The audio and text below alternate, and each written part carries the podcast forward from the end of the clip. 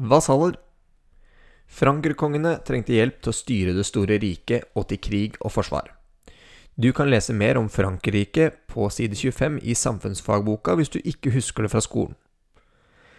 De som skulle sørge for lov og orden og skaffe soldater, ble belønnet med store landområder. Disse landområdene ble kalt len.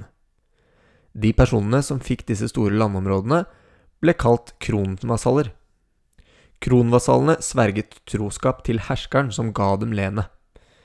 De fikk en del av skattene kongen skulle ha, i tillegg til inntektene av jorda. Etter hvert krevde kronvasalene at sønnene deres skulle arve lenet. Slik oppsto en arvelig overklasse av mektige jordeiere. Denne overklassen ble kalt adelen. For å sikre seg hjelp til krigstjenesten ga kronvasalene gjerne mindre landområder til folk de kunne stole på. Disse folkene ble kalt undervasaller. Undervasallene viste ofte mer troskap til han som hadde gitt dem land, enn til kongen som var lenger unna. Derfor kunne kronvasallene rå over store rytterhærer som ble ledet av trofaste undervasaller. Det hendte ofte at de satte seg opp mot kongen eller keiseren. På tegningen ser du en pyramide. Øverst på pyramiden ser du kongen. Han er sjefen. Rett under kongen kommer kronvasallene. Så kommer undervasallene. De fikk landet av kronvasallene. Helt nederst kommer bøndene. De hadde aller minst makt i middelaldersamfunnet. Bønder og godseiere. Bøndene trengte beskyttelse mot soldater som herjet, brente og plyndret dem. Undervarsallene hadde menn med våpen som kunne beskytte bøndene mot soldater. For å hjelpe bonden krevde underførsalen, eller baronen, at bonden måtte gi fra seg gården og bli leilending. En leilending måtte altså gi fra seg gården og jobbe for undervasallen. Til gjengjeld fikk han beskyttelse. I tillegg til leilendinger fantes det slaver. Slavene var livegne småbønder. Å være livegen betydde at undervasallen eide deg. Du kunne ikke forlate han uten tillatelse. Undervasallen, eller baronen, bodde på et gods eller en borg. Han ble derfor ofte kalt godsherren av den som arbeidet for han.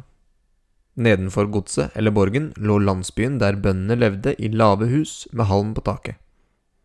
Bøndene måtte betale leie for jorda med varer som de produserte.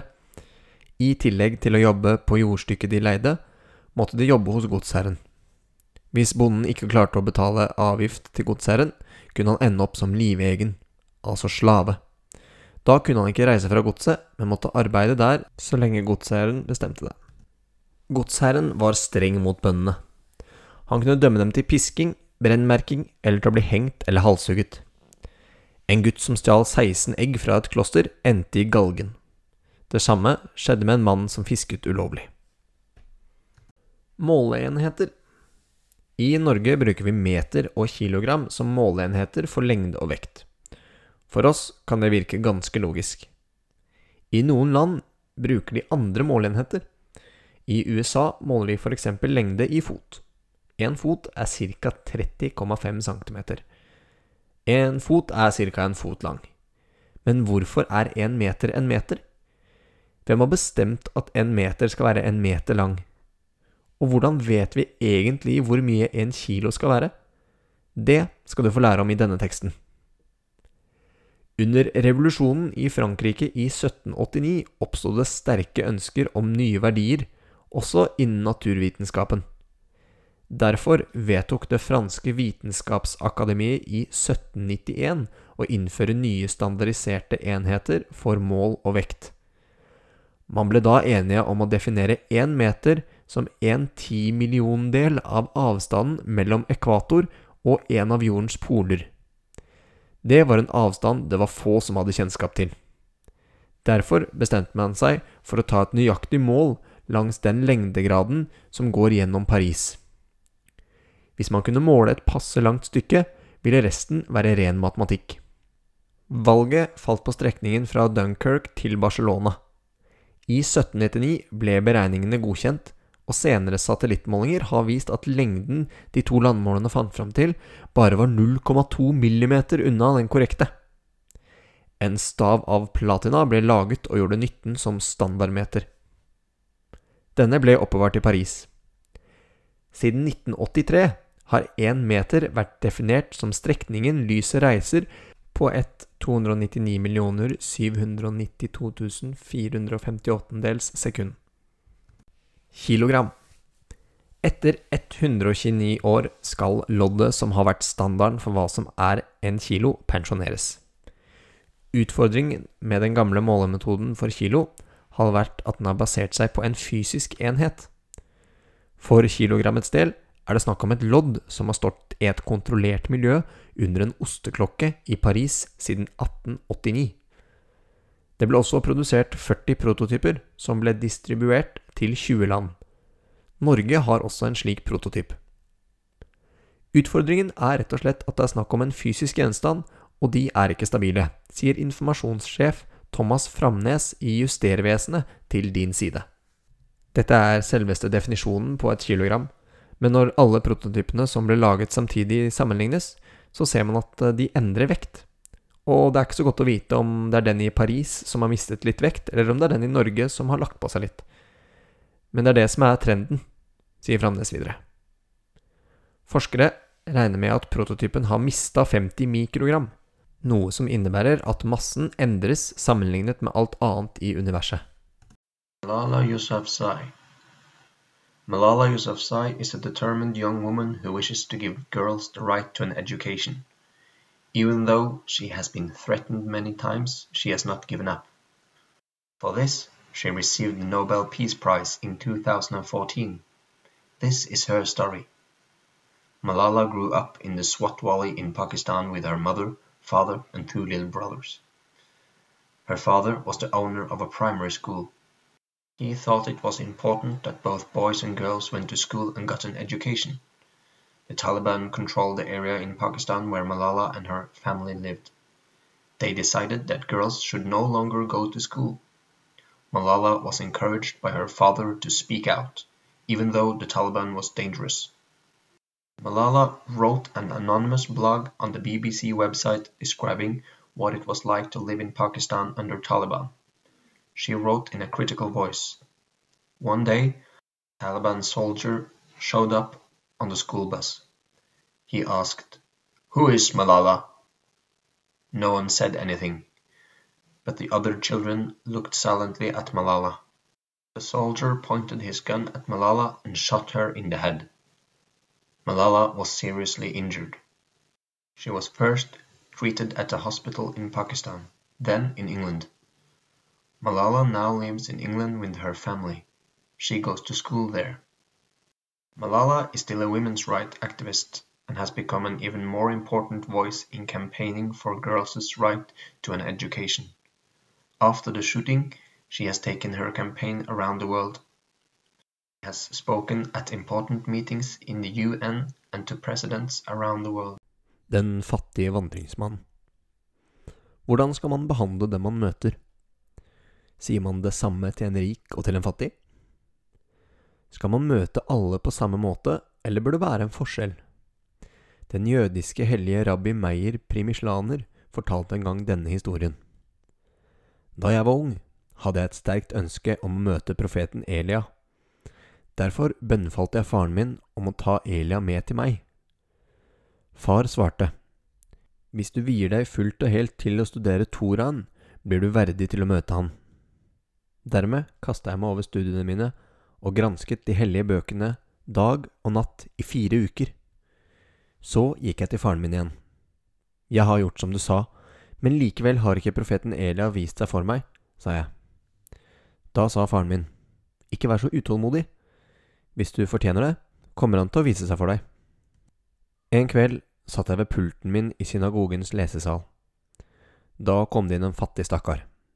Han var full av støv fra veien, og klærne var fillete og fulle av lapper.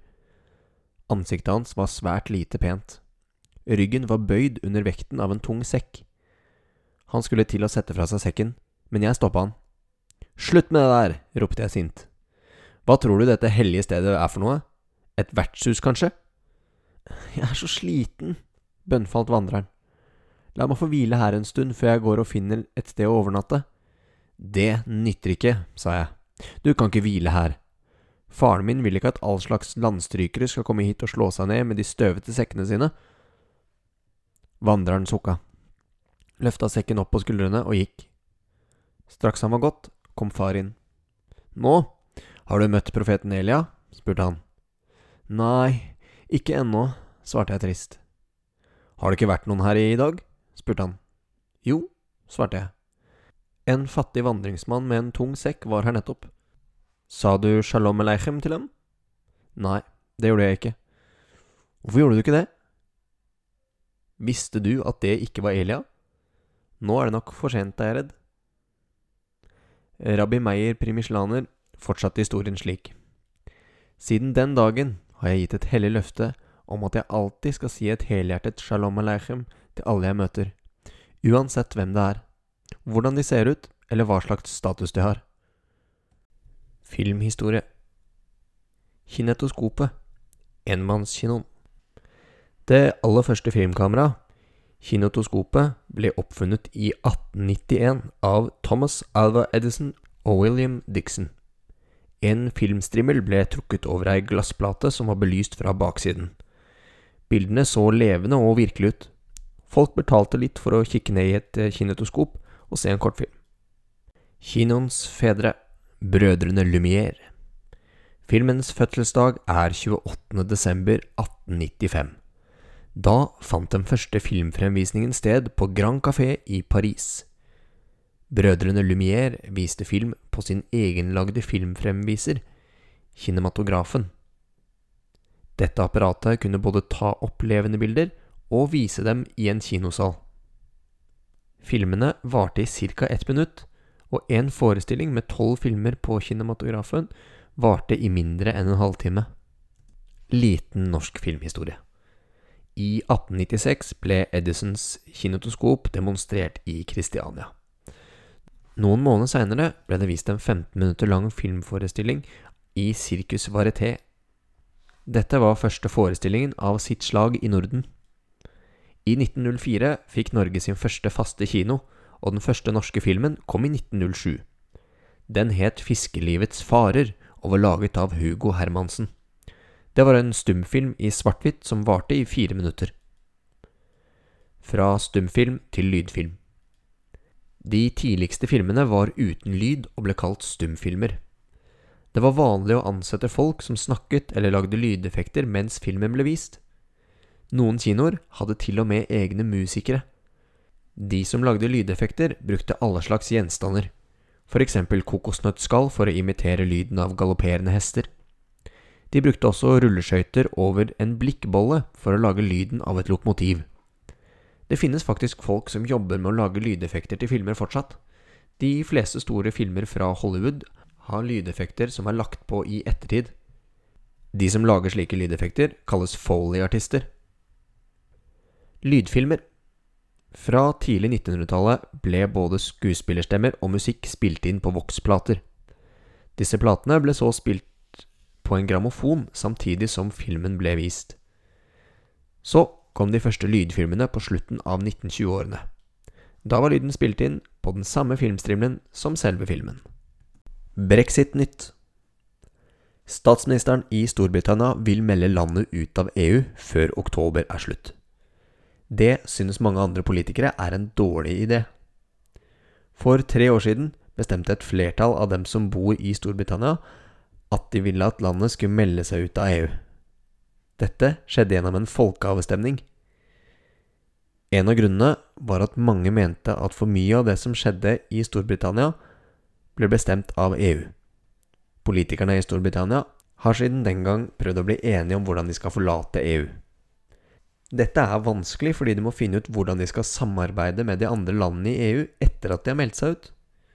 Noen av politikerne ønsker å utsette brexit til 31.1 for å lage en avtale med EU som de er fornøyde med. Brexit er et uttrykk for at Storbritannia skal ut av EU. Det er en sammenslåing av ordene Britain og exit.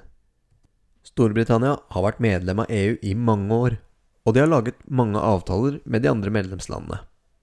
Dette kan være avtaler om kjøp og salg av varer og tjenester, toll, skatt osv. Nå når Storbritannia ikke lenger vil være med i EU, må det lages nye avtaler. Norge er f.eks. ikke medlem av EU, men vi har flere avtaler med EU som gjør at vi kan kjøpe og selge varer med dem. F.eks. eksporterer Norge mye fisk til landene i EU. Pga. at politikerne ikke blir enige om hvordan Storbritannia skal forlate EU, er det en ganske forvirrende situasjon der for tiden. Til og med de som er politiske eksperter, syns det er vanskelig å si hva som kommer til å skje fremover. Storbritannia er det første store landet som vil melde seg ut av EU. Det har ingen gjort før, så det er veldig spesielt, sier Storbritannia-ekspert Jan Erik Mustad. Han tror datoen for når Storbritannia skal melde seg ut av EU, vil bli utsatt til etter nyttår. The Internet Dream Ever since the invention of computers and the internet, new jobs have been created. In the 70s, Bill Gates started Microsoft, which has now become the largest software company in the world. Dan Middleton is a well known YouTuber. They both followed their dreams. Bill Gates has been interested in programming computers since he was a teenager. His old schoolmate Paul Allen shared his interest. Together, Gates and Allen built up the Microsoft company. It all started when Gates took a programming class at school. He learned how to write computer programs, and he was only 13 years old when he made his first computer game. He developed the interest further and continued doing what he loved even when he became a student at Harvard University. However, he dropped out after the second year because he was determined to start his own company. In 2010, Gates established the Giving Pledge, which encourages billionaires to give part of their fortune to charity. He invited wealthy families all over the world to become donors and give more than half of their fortune. Gates himself has given 95% of his fortune away. Dan Middleton, known online as Dan TDM or the Diamond Minecart. YouTube was founded in 2005 by three young Americans. They came up with the idea of a video sharing site where others could view, rate, and comment on videos. Here, anyone can upload videos. In fact, most of the videos are posted by amateurs. The most popular YouTubers have millions of subscribers. Dan Milton is a British gamer and YouTuber. He started sharing videos on his channel in 2012. After a few years, he got millions of subscribers. His goal was to create a professional kind of gaming channel. Middleton makes the videos in his home studio. He often starts the day by making a video in the morning, editing it during the day, before posting it in the evening. When Middleton was in his early school years, his family moved around a lot because of his father's work. He often changed schools, which made it difficult for him to make friends. Perhaps that's why he spent so much time playing video games. He has won several awards because of his interest. One of them is the Nickelodeon Kids' Choice Award. Many people are inspired by YouTubers like Middleton. In 2017, playing games or watching videos on the internet was a trend among young people. What do you think will be the next internet trend?